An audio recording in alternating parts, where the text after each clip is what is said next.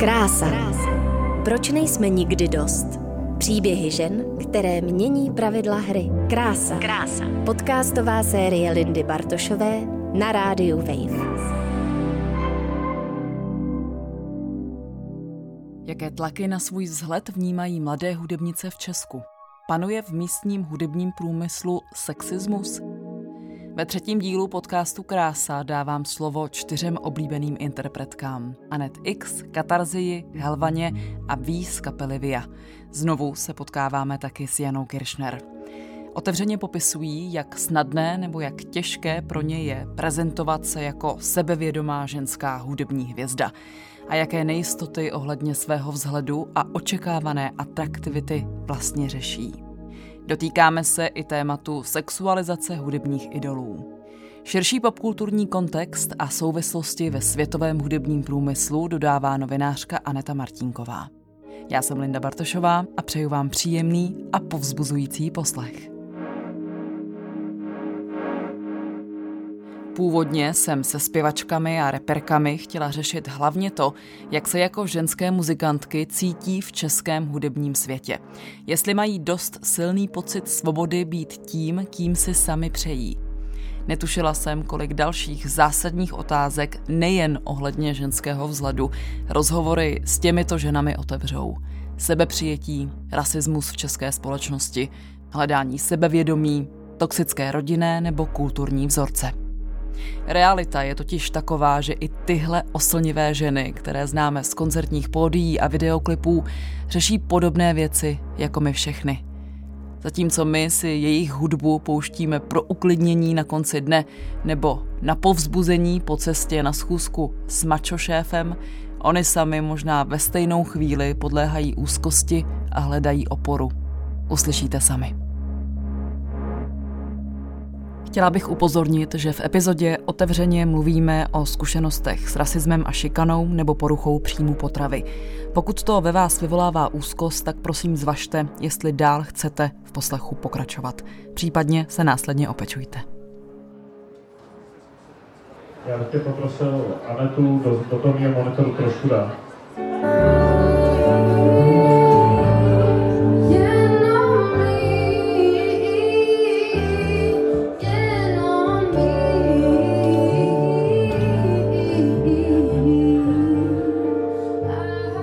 Aneta Charitonová známá jako Anet X. Jedna z nejvýraznějších tuzemských zpěvaček poslední dekády.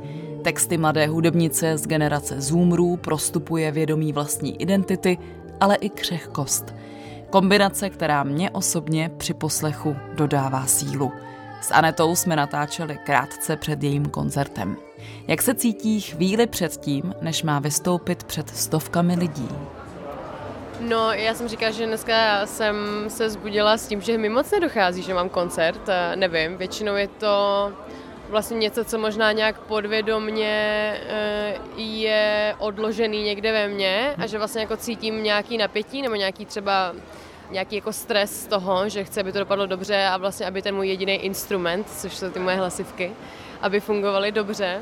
Když Anetu pozoruju při vystoupení, vyvstává mi jeden dominantní pocit sebevědomí, taneční pohyby, energie, s jakou na stage vstupuje, ta komunikace s publikem, to všechno dokáže přenést tak, že mám pocit, že tahle mladá žena o sobě vůbec nepochybuje. Nebo jenom hodně málo. Nějak nad tím v zásadě nepřemýšlím vlastně. Cítím se strašně dobře na stage, takže si myslím, že jakmile se tam dostanu, tak se ve mně úplně něco přepne a to sebevědomí jako naskočí nějak. Má to ale i ona někdy tak, že se probudí a ví, že dnes bude bojovat s vlastní hodnotou? Jako mám pocit, že jsem takový typ člověka, co si vždycky řekne, že toho může dopadnout strašně moc, strašně špatně. Někdy člověk přesně ví, kam jde. Třeba ví, že je to nějaký festival a to mi strašně pomůže, abych jako věděla, že ježiš, na to se těším, protože prostě vím, že to bude vypadat takhle a takhle, když si pořádám sama koncert, tak se na to těším, protože vím, že všechny ty složky, které tam jsou, tak mám vyřešený svým týmem nebo sebou. Perfektně zvládnutá show po technické i vizuální stránce. To je Anet X. Osobnost i značka, taky vnímám. A vnímám i to, jak dobře se cítí ve svém těle, v outfitech, které jsou odvážné a svébytné. Do jaké míry je její kostým základem pro její sebevědomí? Mě to strašně baví, protože mimo jiné je to nějaké jako vyjádření a myslím si, že právě víc než cokoliv jiného mi to sebevědomí na tom vystoupení dává ten outfit. Je to pro mě strašně důležitý a řeším to dost jakoby dopředu. A to kecám, ale jakoby snažím se na to jako myslet dopředu, protože fakt vím, že ten outfit víc než moje jakoby nálada ráno určí prostě, jak se budu cítit v ten moment. Jakmile si to oblíknu, tak tam se něco úplně přepne. Hadry oversize, sneakers na nohách, nemám žádný strach, stále mě tak akorát. Otevřenost je další věc, kterou na hudebnicích o generaci mladších cítím a kterou vnímám jako nesmírně inspirativní a podpůrnou. Aneta se nebojí ukázat ani to, s čím bojuje a co řeší mnoho holek a žen, což jsme ostatně ukázali ve druhém dílu o kůži. Problémy s pletí několikrát sdílela na svém Instagramu s tím, že někdy vypadá dokonale a někdy prostě ne a že to nechce skrývat. Ptám se jí, jak moc to ovlivňuje její pocity a výkon při tom, co miluje. No, ta pleť je samozřejmě jakoby strašně důležitá pro nějaký self-esteem, nějaký sebevědomí samozřejmě. A pocituju to místy, ale musím říct, že nějakým způsobem jsem strašně ráda, že jsem schopná to úplně jakoby vytěsnit a že mi to neleze tak na mozek, jak možná třeba jako jiným slečnám nebo i jako klukům a vlastně to nepovažuji za nějaký zásadní problém. Řeším to jako z toho slova smyslu, že tělo mi něco chce říct, že něco není v pořádku, takže z toho důvodu to řeším, abych spíš zjistila tu příčinu a jak se toho zbavit. Ale cítím se, tak nějak jsem si prostě řekla, že to každý, nebo ne každý, ale spoustu lidí to prožívá, že to je vlastně taková nějaká prostě úplně jako obyčejná vlastně normální věc, že mm, mě to netrápí. Dá se to nějak trošku zakrýt, uh, jako asi bych se uh, necítila tak dobře bez make-upu, určitě. Moc to jako neřeším asi. Jakože každý den se podívám do zrcadla a říkám si jako oh shit, zase ještě jeden. ale a snažím se ho nějak zakrýt, ale eh, prostě is what it is. Jak se říká, minimálně ruský je takový uh, říkadlo, nebo jak se říká, jak se, pořekadlo, děkuji. Tak to je, že do svatby se to zahojí. Přístup Anety mi připadá osvobozující. I proto, že se já sama při jejím koncertu cítím sexy díky tomu, co vyzařuje. Zajímá mě, jestli i ona vnímá tlak na to, aby jako zpěvačka sexy působila. Nebo jestli je to něco, co jde stoprocentně autenticky z ní a dělá to jenom kvůli sobě. Přiznává, že dnes už ano, ale nebylo to tak vždycky.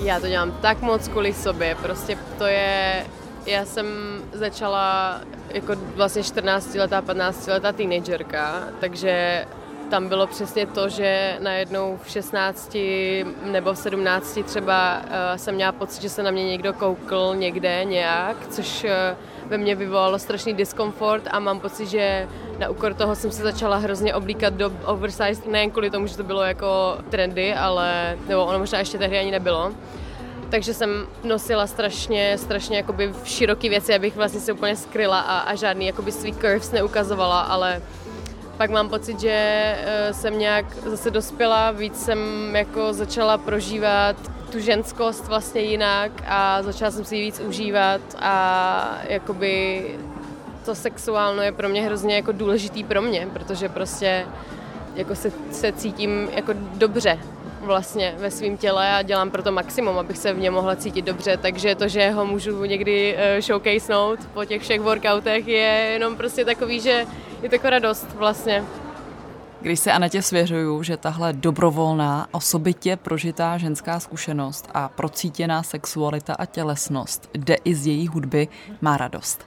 Mám takový pocit i z ostatních návštěvnic jejího koncertu, že z její show odcházejí s pocitem, že se mohou cítit sebevědomně a sexy, pokud sami chtějí, že se za sebe nemusí stydět. Ty kráso, mám, mé husina na mě jde. Jestli to je to, co je ten už jenom samotný koncert jako schopen vyvolat v lidech, tak je to to jediný. Nebo jako to hlavní, proč to chci dělat. Takže wow, to mi udělalo jako mega radost. Byla bych ráda samozřejmě, kdyby to tak eh, bylo u víc žen. To je taková strašně special odezva, na kterou vlastně člověk ani, se kterou člověk nepočítá, ani jako by ho to nenapadlo vlastně, když to tvoří nebo když tam stojí. Hezky. Zajímavé je sledovat rozdílný přístup k sexualitě a prožívání těla na stage mezi generacemi. Slovenská zpěvačka Katarína Kubošiová alias Katarzia je mi věkově blíž. Patří do takzvané generace mileniálů, lidí narozených přibližně v letech 1980 až 1995. Krásu preklínám. Tak jsme v klubu Fuchs, kde máš dneska koncert za tři hodiny. Máš nádherný dlouhý copánky, rozevlátý oděv a vypadáš moc dobře a zajímá mě, jestli se tak i cítíš. Ďakujem, samozrejme, že nie, lebo o, som bola v Lomovci, takže som ešte taká dolamaná a tým pádom sa necítim úplne plná energie a zároveň, ako hovoríš o tých vlasoch, tak síce som si ich dala zapliec, ale predtým som rozmýšľala nad tým, že radšej by som ich mala rozpustené, aby som sa do nich mohla lepšie schovať. Takže vlastne sa cítim trochu moc odhalená a dala som si najskôr nohavice a tričko a potom som si na to obliekla šaty a kabát, aby som sa cítila viac schovaná a myslím, že tak dnes zostanem. Schovanost do oděvu a snaha obalit se před výkonem před světem. Tento způsob prožívání dobře znám. Sama jsem v době moderování ostře sledovaných relací v české televizi preferovala roláky, dlouhé rukávy, volné delší šaty, kostýmy. Přišlo mi, že tak budu méně zranitelná. A Katarína to má podobně. Čo sa týka tých obťahnutých vecí, tak o, s tým mám tiež už skúsenosť, že viem, že potom sa hambím, že sa stydím na tom koncerte a keď mám nejakú časť, kde nespievam a trochu sa snažím tancovať, tak v tých obťahnutých veciach to nerobím a radšej odídem z podia úplne. Keď mám takéto vrecoidné veci, tak oni ma vlastne mi pomáhajú robiť ten pohyb. Zatímco o dekádu mladší Anet X se cítí na pódiu jako ryba ve vodě v sexy outfitech a ráda a otevřeně komunikuje s diváky, katarzie je spíš příjemnější, když se může schovat do tmy a oparu. Máme světelného designera Tomáša Košťaka a on vie, že že mi nemá dávať toho svetla príliš veľa. Sme dohodnutí, že vlastne skôr sa pracuje s protisvetlom a so siluetou a to mi je vlastne hrozne príjemné, keď e, je na mňa skoro tma a svetlo je za mnou. Nehambím sa byť silná Nehambím sa byť slabá Zároveň ale Katarína cítí na pódiu sílu. A to vlastně podobně jako u Anety i díky oblečení. Jenom jí sílu dodává spíš to, že se fyzicky neodhaluje. Vlastně možno ani nie, že sexy, ale cítím se tam hrozně silná. Ale to je skôr tým, že čo hovorím. Nie je to tým, že ako vyzerám, ale skôr mám pocit, že hovorím niečo, čo som vždy chcela zdieľať a že to dáva zmysel a že si za tým totálne stojím.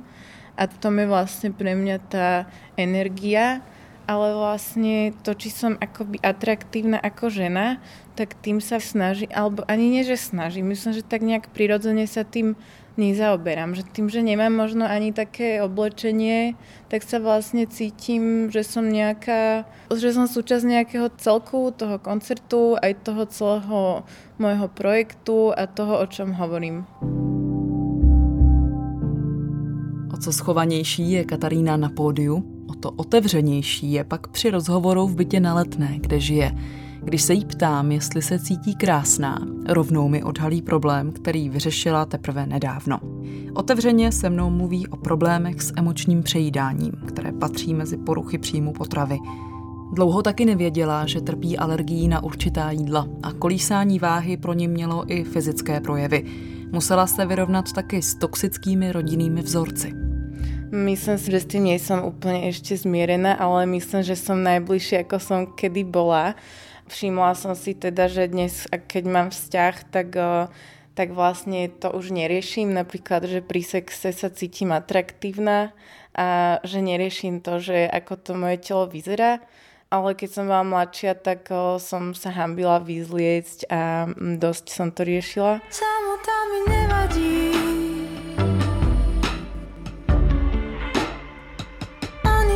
Celý tela. Katarína otevírá otázku vztahu těla a sexuality sama. V tomto tématu je taky velmi otevřená a já si této sdílené intimity vážím. Popisuje, jak její vnímání vlastní sebehodnoty dlouho ovlivňovalo to, jestli má zrovna nějaký vztah, jestli o ní někdo stojí.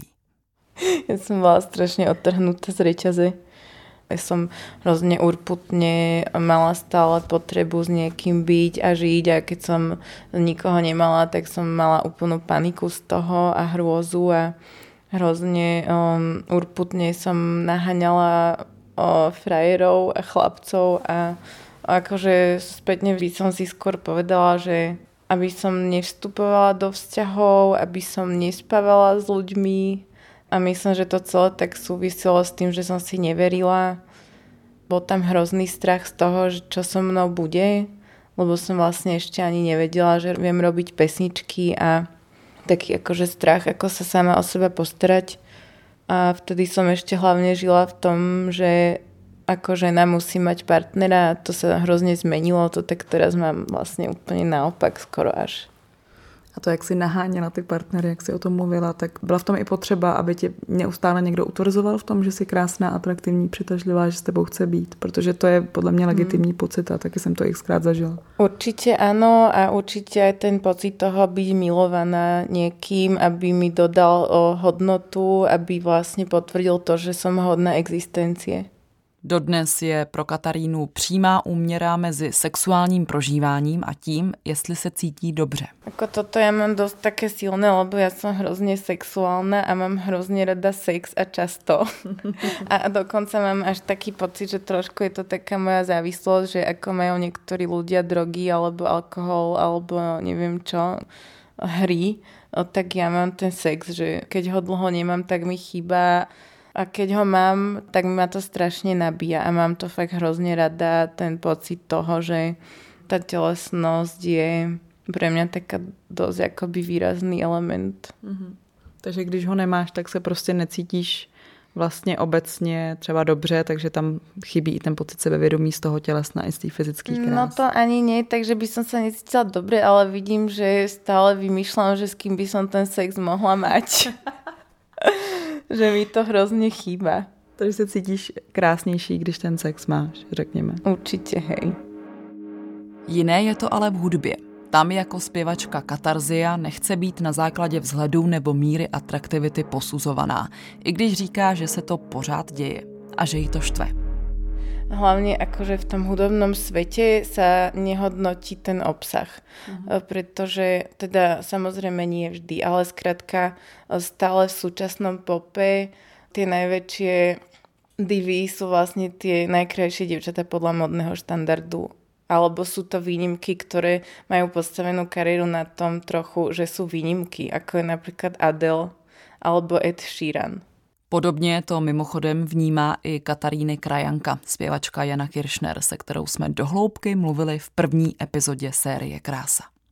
Ja som pred pár rokmi bola porodkyňou v jednej talentovej súťaži, kde som eh, presne zažila toto isté. Proste to neustále posudzovanie toho, ako ľudia vyzerajú. Či už to bolo od samotných ľudí, ktorí to viedli, tú súťaž a tak ďalej. Proste stále to také, že a tento vyzerá tak a táto vyzerá tak a neviem čo. A stále sa bavíme o tom, ako niekto vyzerá. Nebavíme sa o tom, čo ten človek vie, ako spieva, či je muzikant, či je muzikálny. Bavíme sa stále o tom, že ak niekto dobre vyzerá, má šancu preraziť. Akože ide to stále ruka v ruke. Ale ja ako keby, nechcem povedať, že som s tým zmířená. Ja to akceptujem ako nejakú časť môjho života. Katarína přiznává, že jí vadí tlak hudebního průmyslu na to, aby svou hudbu neustále spojovala se svým obličejem. Nechce to dělat, ale ví, že takhle ten biznis prostě funguje. Ja sama na sebe vidím, že ten môj mindset stále nie je OK. Často aj riešim, že keď vydávame nový album, tak viem, že na sociálnych sieťach upútam pozornosť na ten album tým, že budem mať nejakú fotku, kde som krásna a v podstate na to pristupujem a robím to. Ale sama, kebyže si môžem vybrať, tak to nerobím, pretože to vlastne nenávidím, ale viem, že stále to funguje a na to prístupujem kvôli tomu, aby sme mohli ďalej fungovať a aby sa to dostalo k čo najviac ľuďom. Keď som začínala robiť hudbu, tak som strašne chcela, aby si ma všetci všimli a bola som taká, že ma hrozne vlastne bavilo to, že mám pozornosť a potom sa to hrozne otočilo na to, že niekedy by som hrozne nechcela mať žiadnu pozornosť a najradšej by som aj tú hudbu spájala radšej s nejakou maskou alebo zrušila tú identitu postavenú na mojej tvári, ale vlastne tá moja značka Katarzia funguje podľa mňa hrozne na mojej tvári. Taky Jana Kiršner cítí v showbiznisu stále stejný tlak. Ja som e, častokrát cítila sa ako objekt kvázi, na ktorý sa teda ľudia dívajú, ktorí posudzujú a nemyslím si, že som sama. Ako myslím si, že to, že byť spevačka a dobre vyzerať ide ruka v ruke. Je to takisto spojené s tým, ako posudzujeme spevačky podľa veku a tak ďalej. To znamená, ten showbiznis je naozaj neúprostný častokrát. To, ako človek vlastne pôsobí, ako vyzerá, tak mm, myslím si, akože nechcem to povedať zlé, ale u nás sú tie parametre nastavené tak, že má naozaj väčšiu šancu na prežitie, keď niekto vyzerá podľa nejakých parametrov krásy, ktoré sú priateľné pre tú väčšinu. Na sexualizaci a objektifikaci v hudebním biznise jsem se ptala taky hudební publicistky Anety Martínkové, mimo jiné autorky skvělého podcastu Území ozvěn, kde v prvním díle Tančit sama rozebírá postavení mladých českých hudebnic. Já si myslím, že na začátek je potřeba zmínit, že sexualizace je obecně téma, který je pro populární hudbu vlastně naprosto stěžejní. Pop vždycky nějakým způsobem reflektoval nebo nějak vyjednával se zvyklostma, který se se sexualitou a se sexem v té dané době nějak pojily. Jedna z nejzásadnějších amerických hudebních publicistek, Ann Powers, ve své nedávno vydané knize, která se příznačně jmenuje Good Booty, říká, že populární hudba je nejzásadnější erotická umělecká forma, kterou v Americe můžeme najít.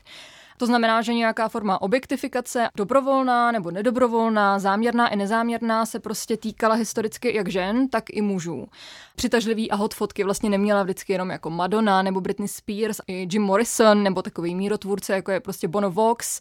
A David Bowie zase nějakým způsobem narušoval heteronormativní představy o mužské sexualitě. Proč mám ale pocit, a mnohé sociologické studie i zkušenosti to potvrzují, že ženská sexualita podléhá výrazně tvrdším měřítkům a nárokům než ta mužská? Ta ženská sexualita je historicky prostě mnohem dráždivější a třaskavější téma. Odpor k ženám najdeme prostě hluboko v historii, v ustavujících náboženských i filozofických textech. Kdybych měla namátkou dát nějaký jako příklad týkající se právě hudby a zvuku, tak Aristoteles třeba psal, že to, že mají ženy vyšší hlas, znamená, že jsou vlastně ze své prostě podstaty zlí. V současné kulturní debatě a v debatě jako politiky identity je velká snaha to měnit, mluvit o tom, narušovat ty vzorce a pop je velkým médiem emancipace. Vlastně v posledních letech se fakt strašně spolitizoval. Pop se stal prostě nějakým médiem protestu. To, že sexualita na první signální už není jedinou vstupenkou do světa úspěchu nejen v hudebním průmyslu, potvrzuje díky své mezinárodní zkušenosti taky Jana Kiršner. Tu e, napríklad v Anglicku to vnímam úplne opačne a vnímam to napríklad tak, že tu, keď je niekto iný, tak to je práve to, čo tu všetci hľadáme, pretože tie charaktery, tie zaujímavosti, tie unikátnosti, tie krivé nosy, krivé zuby, všetko to, čo vlastne ostatní, teda väčšina tých ľudí napríklad na Slovensku, pravdepodobne aj v Čechách, považuje za uh, tak toto by som si mala vylepšiť, toto by som mala zmeniť, tak práve tu si myslím, že už je teraz ten trend tak nastavený, že ľudia chcú sa odlišovať Cítim aj v tých mladých ľuďoch, že práve to, že chcú byť iní a nechcú sa vobchať do tých krabičiek, to je podľa mňa strašne dôležitá informácia. Hudební novinářky Anety se ptám, jestli tomuto pocitu zpěvačky, která působí řadu let v anglickém kontextu, odpovídá i současná hudební a mediální teorie. Myslím si, že v době před sociálními sítěmi v době vlastně starých médií, kdy ty narrativy okolo těch hudebnic vytvářely ty starý média, ty noviny a nebyla možnost zasahovat tou živou debatou, kterou vlastně máme v současném mediálním prostoru. Ty ženy vstupující do ten, na ten hudební trh musely tomu ideálu krásy z pravidla mnohem víc nějak odpovídat. Zároveň v současnosti se strašně proměnil mediální prostor. Proměnil se kapitalismus, proměnilo se to, co prodává. Zatímco dřív to byl ideál, tak dneska je to odlišnost. To může být zdroj nějaký pozitivní změny, na ten trh se prostě dostanou i lidi, kteří jako by historicky jako nemohli získat nějakou pozornost nebo by třeba neměli jako sebevědomí. Nějakým způsobem to jako empoweruje lidi, kteří se odlišují od nějakého kdysi platného ideálu. Zároveň je to vlastně v něčem jako trochu dvojsečný, protože nacházíme se prostě v době, která kapitalizuje a vydělává jako na odlišnostech. Ten kapitalismus v současnosti prostě požírá ty, jako ty emancipační snahy nějakým způsobem. Znamená to, že je to vlastně nový druh tlaku, že odlišnost se stala novým nositelem úspěchu. Zajímají mě příklady. Třeba Charlie XCX to, co dřív pro ní byl způsob rebelie, odlišovat se a být jako rebelka, která dělá hudbu jako trochu jinak než jako mainstream, tak že, že dneska to po ní ten trh vlastně chce, že to není alternativa. A rozhodla se vlastně na té poslední desce udělat jako to, že prostě se stane tou klasickou popovou divou, která byla nějakým způsobem jako symbolem toho jako zaprodání se tomu jako hudebnímu průmyslu. Ano, to vlastně jako tuhle figuru si vzala a přijela ji jako za svou. Yeah, Ptám se na tento trend taky Kataríny Kubošiové, alias zpěvačky Katarzie. Její názor je pro mě překvapivý. Sexy prezentace hudebníc ji docela silně irituje. Vlastně mi vadí aj to, keď sa aj niektoré muzikantky, ktoré aj ja obdivujem, prezentujú v spodnom pradle, špulia pery a hýbu sa sexuálne a sú to veci, ktorým ja nerozumiem a Skrátka mi to príde, že sa ponižujú na to, aby upútali pozornosť týmto a pritom by vlastne vôbec nemuseli. Ja sa s tým vôbec nestotožňujem a je to nejaký trend a mne to ide na nervy, ako príde mi to hrozne hlúpe. No skôr to mám tak, že som mala konkrétne tri o, spevačky, ktoré som veľmi obdivovala za ich hudbu a za ich talent a Řekneš to je ten Earth Eater, o, FK Twix a Rosalia a vlastne ich Instagram a ich prezentácia vo videách je o, taká, že Earth Eater vlastne nosí o, šaty, kedy je vidno celé prsia, má zakryté len bradavky a na podiu sa vlní veľmi sexuálnym spôsobom a FK stále špuli pery a vystupuje vo videách ako tiež veľmi sexuálna bytosť a Rosalia nosí 800 kilometrové nechty a tiež vlastne je to veľmi telesné, tak akože pravdu povedia som začala robiť to, že ich nesledujem, ale iba počúvam to, čo vydajú, lebo mi to hrozne vadí. Ako nech si teda každý robí, čo chce, ale mňa to nebaví. Uh-huh. A víš, co mě tady překvapuje? Ten rozpor vlastně mezi tím, jak jsi před chvílí mluvila o tom, jak miluješ sex, jak jsi sexuální tělesná bytost a vlastně není ten rozdíl jenom v tom, že oni to dávají i ven a ty ne? No, to by mohlo byť, ale skôr mám taký pocit, že to používajú ako marketing a že oni majú pocit, že skrátka z toho vytvárajú nejakú hodnotu. Asi to mi vadí, že, pretože oni majú obrovský vplyv na ostatné dievčatá, hlavne mladšie a mm, neviem, ako tá ikonizácia sexuality nie je asi niečo, čo by mne prišlo cool pokračujú v tom diskurze, ktorý bol ešte v minulých dekádach, že pokračujú v tom, mm, že žena je sexuálny objekt a že v tej objektifikácii, ktorá mi vlastne prekáže na, na tom hudobnom priemysle. Zajímá mě i názor novinářky Anety. Kromě toho, že je publicistka, je totiž sama hudebnice. Je taky ze stejné generace a její způsob přemýšlení mě baví. Jak to vnímá ona jako někdo, pro koho je hudba klíčovým médiem pro chápání světa? Cílem naší debaty, pokud se chceme prostě bavit nějak jako feministicky, by neměla být jako snaha najít v současné debatě to, jestli jako sexualizovat se jako žena sama sebe je špatný nebo dobrý ale že bychom měli důvěřovat ženám, že to, co dělají, je projevem jejich svobodné vůle a ne projevem snahy se někomu zalíbit.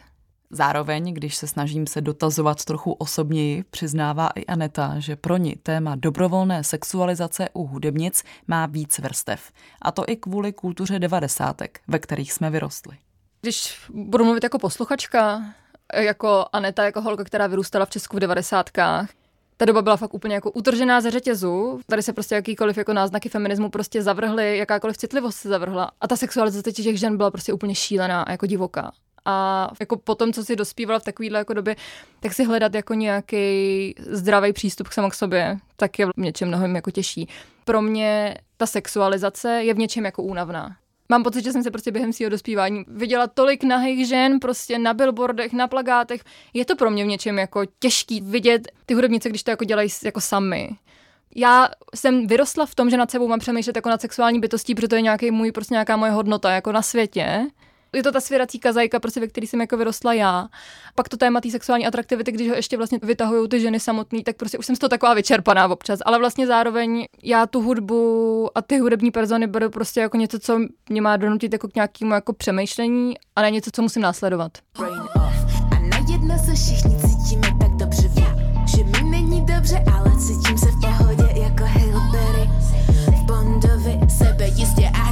že se zlatě leskne. Zlato, zlato,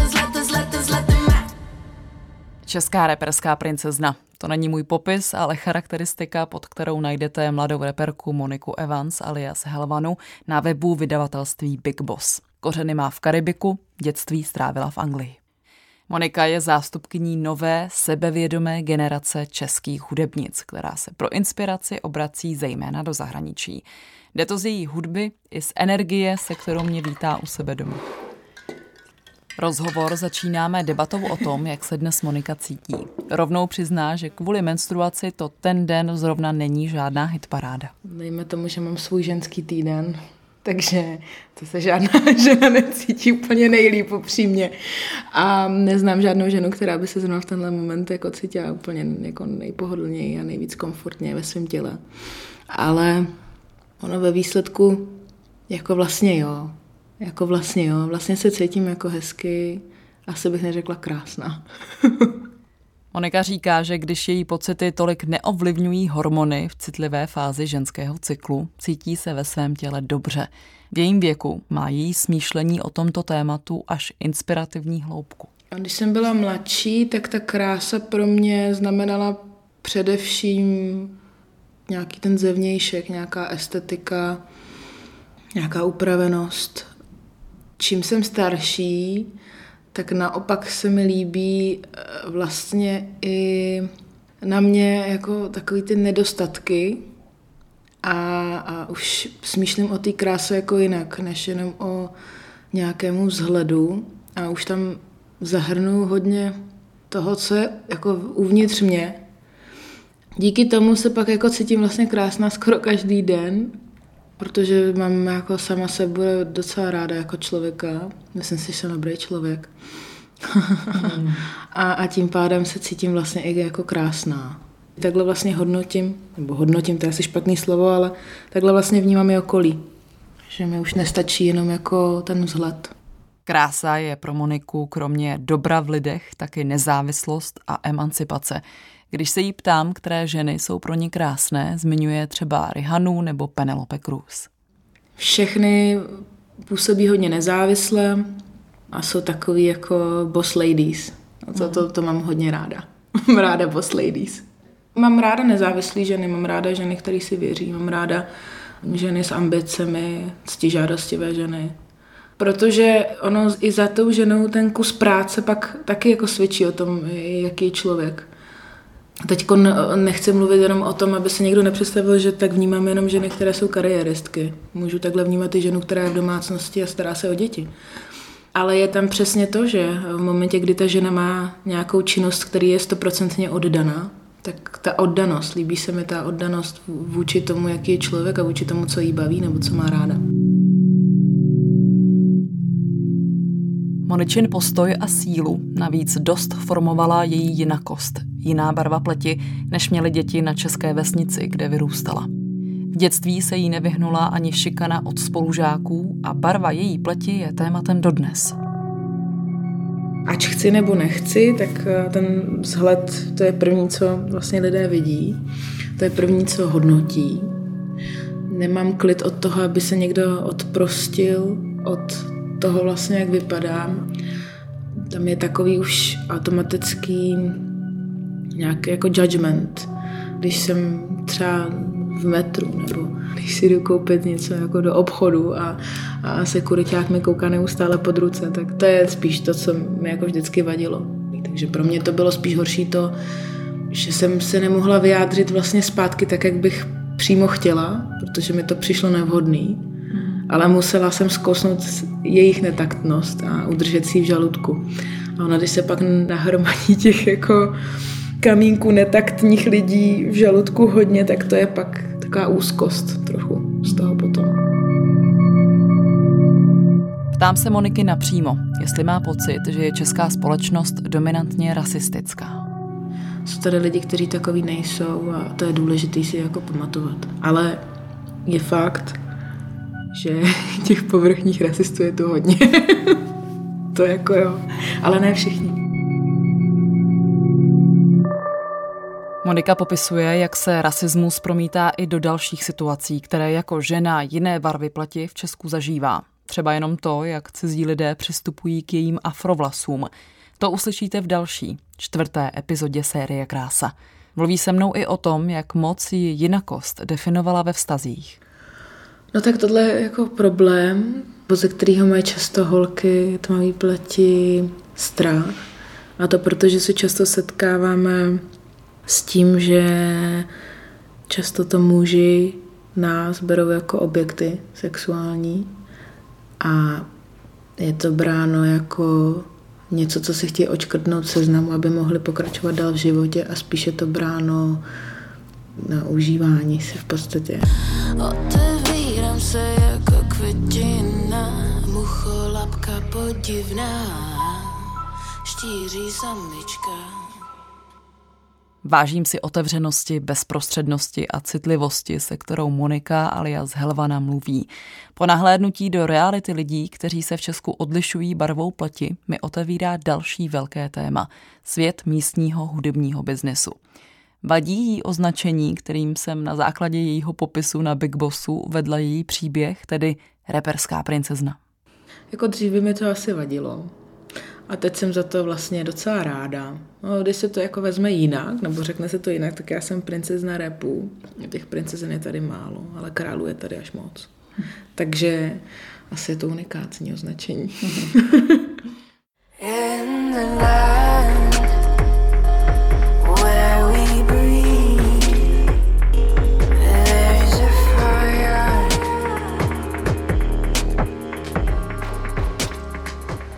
Zpěvačka Ví, která vystupuje v ženském hudebním gengu Via, je další výraznou zástupkyní mladé české hudby. Vyrůstala ve větnamské rodině, ale v Česku. Tam se proto, jaká specifika má smýšlení o kráse v jejím rodinném a kulturním zázemí. Tak já začnu asi u té větnamské kultury. Ona hodně, hodně vnímá vzhled. Myslím si, že když jsem třeba měla takový jako období někdy během puberty, kdy jsem třeba trošku nabrala, protože jsem měla jako nějaký úplně stresový období třeba kolem maturity, tak mi to hodně dávali všichni jako i cizí, vlastně prakticky cizí lidi za mnou jako chodili, jestli jsem nepřibrala nebo tak. Třeba přátelé mých rodičů, kteří se se mnou jako nikdy úplně nebavili, tak, tak za mnou jako přišli, že, že vypadám jako větší než obvykle. Když jsem ve Větnamu, tak hodně pocituju, že jsem jako hodně, hodně vysoká. to mi taky všichni říkají, že asi si úplně nenajdu manžela větnamce třeba. Což uh, se mnou jako neprobírá, jestli bych jako chtěla vůbec mít manžela větnamce. Ví naznačuje, že ve větnamské komunitě jsou rodinné tlaky často silně zakořeněné v tradiční a celkem konzervativní kultuře.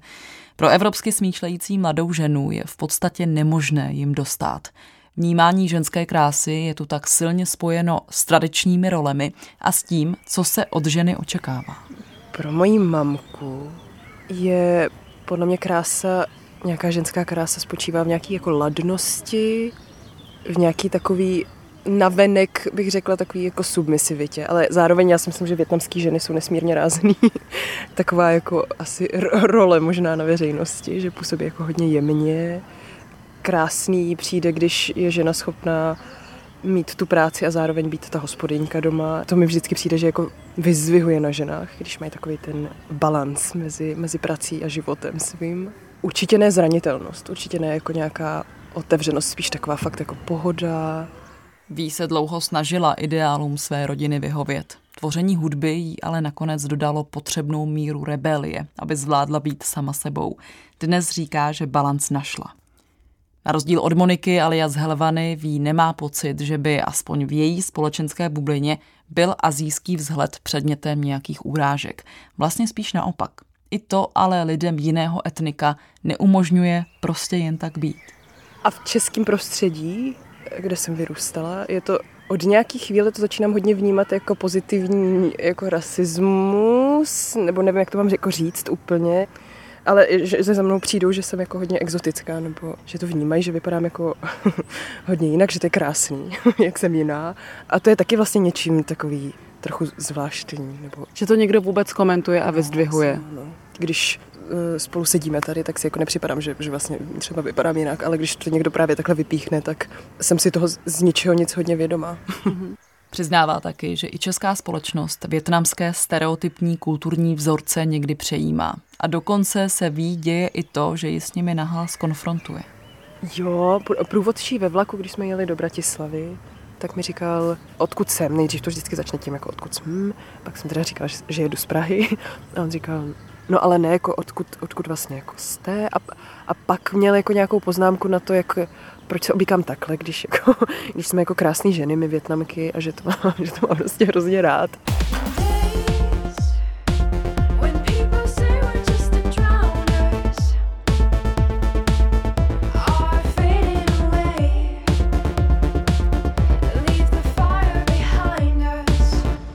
Jinakost ale 26-letá ví podle svých slov přijala a reakce na ní se snaží chápat, byť jsou jí někdy nepříjemné.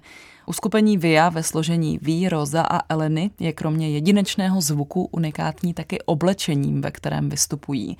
Ptám se ví na to, jestli použití takzvaného workwearu, tedy pracovního oděvu nebo chcete-li montérek, má v jejich shows nějaký skrytý význam, který souvisí s jejím původem nebo postoji. Určitě jo. Ona to byla určitě i moje jinakost, ale zároveň to bylo i to, že jsme prostě tři holky v kapele a nikdy to pro mě nebyl projekt, ve kterém bych chtěla upozorňovat na to, že jsme tři holky v kapele takovým tím vizuálním stylem, že bychom si na sebe fakt vzali něco jako hodně úplně přitažlivého, že to asi pro nás všechny je to trošku něco o něčem jiným, celý ten projekt a i vůbec eh, to, jak chceme působit. Takže pro nás ta jednotná kombinéza v různých barevných provedeních pro mě byla jako ideální řešení, že jsem nejdřív um, si na to holky jako netroufali, že jim to přišlo jako moc, takže jsem to chvíli, pár koncertů jsem to nosila sama a, a potom se ke mně právě jako přidali právě s svýma barvama. No myslím, že to jako přivádí víc pozornost k té hudbě jako takový, než jako k tomu, že to jsou jako tři holky na stage, no. Proč je to ta pracovní kombinéza? Protože já si myslím, že to fakt dlouho bylo, protože se mnou jako máma pořád řeší jestli už mám nějakou jako pořádnou práci třeba. Jako určitým způsobem to určitě pro mě byla jako taky nějaká forma rebelie, že si vlastně vezmu tu pracovní kombinézu do toho, co považuji za svoji práci částečně. Can hear them loud and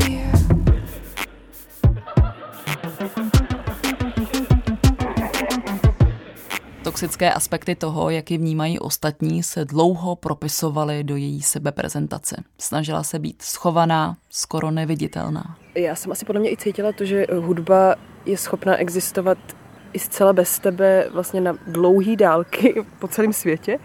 A, a cítila jsem fakt, že potřebuji nějak působit a s tím jsem se hodně dlouho vypořádávala pro tu rodinu. Když moje máma potom posílala první klipy, první videa, do Větnamu, tak aby si mohli říct, jako je, to je hezký, jako máme na co být pišný. A teďka už konečně vlastně tím, že jsem si to jako vytvořila, tady tu, tu základnu už to jako viděli a bylo to i hezký, tak teďka mám vlastně mnohem větší asi tvůrčí svobodu si dělat fakt i věci, které jako fakt hezký nejsou, nebo jako které um, jsou jako hodně drzí, možná jsou jako hlasitý, možná tam jako prostě jenom lítáme a a ta hudba už jako přestává mít čím dál tím víc jako strukturu. jako fakt nás to nesmírně baví všechny tři a to my jsme jako fakt takový, že si myslím, že jsme to měli jako hodně podobný, že jsme byli fakt takový vždycky, že, že se dělala tak jako byla si taková tiší, úplně si neudělala ten vtip, co tě napadne a teďka si myslím, že to je jako taky taková forma toho, že člověk nachází tu svoji jako identitu nebo ten příběh, který chce jako vyprávět eh, a možná si tím jsem jako našla i mnohem pevnější půdu pod nohama jako osobnost.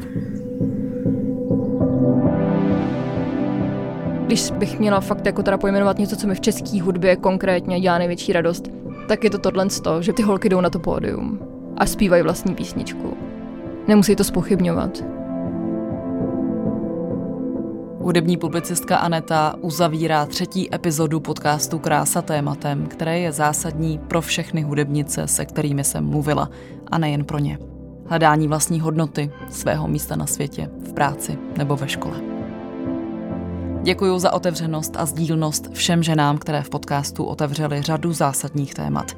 Doufám, že vás jejich postoje a energie povzbudily a přivedly k inspirativním myšlenkám, stejně tak jako mě. Všechny epizody podcastu Krása postupně najdete na wave.cz lomeno krása.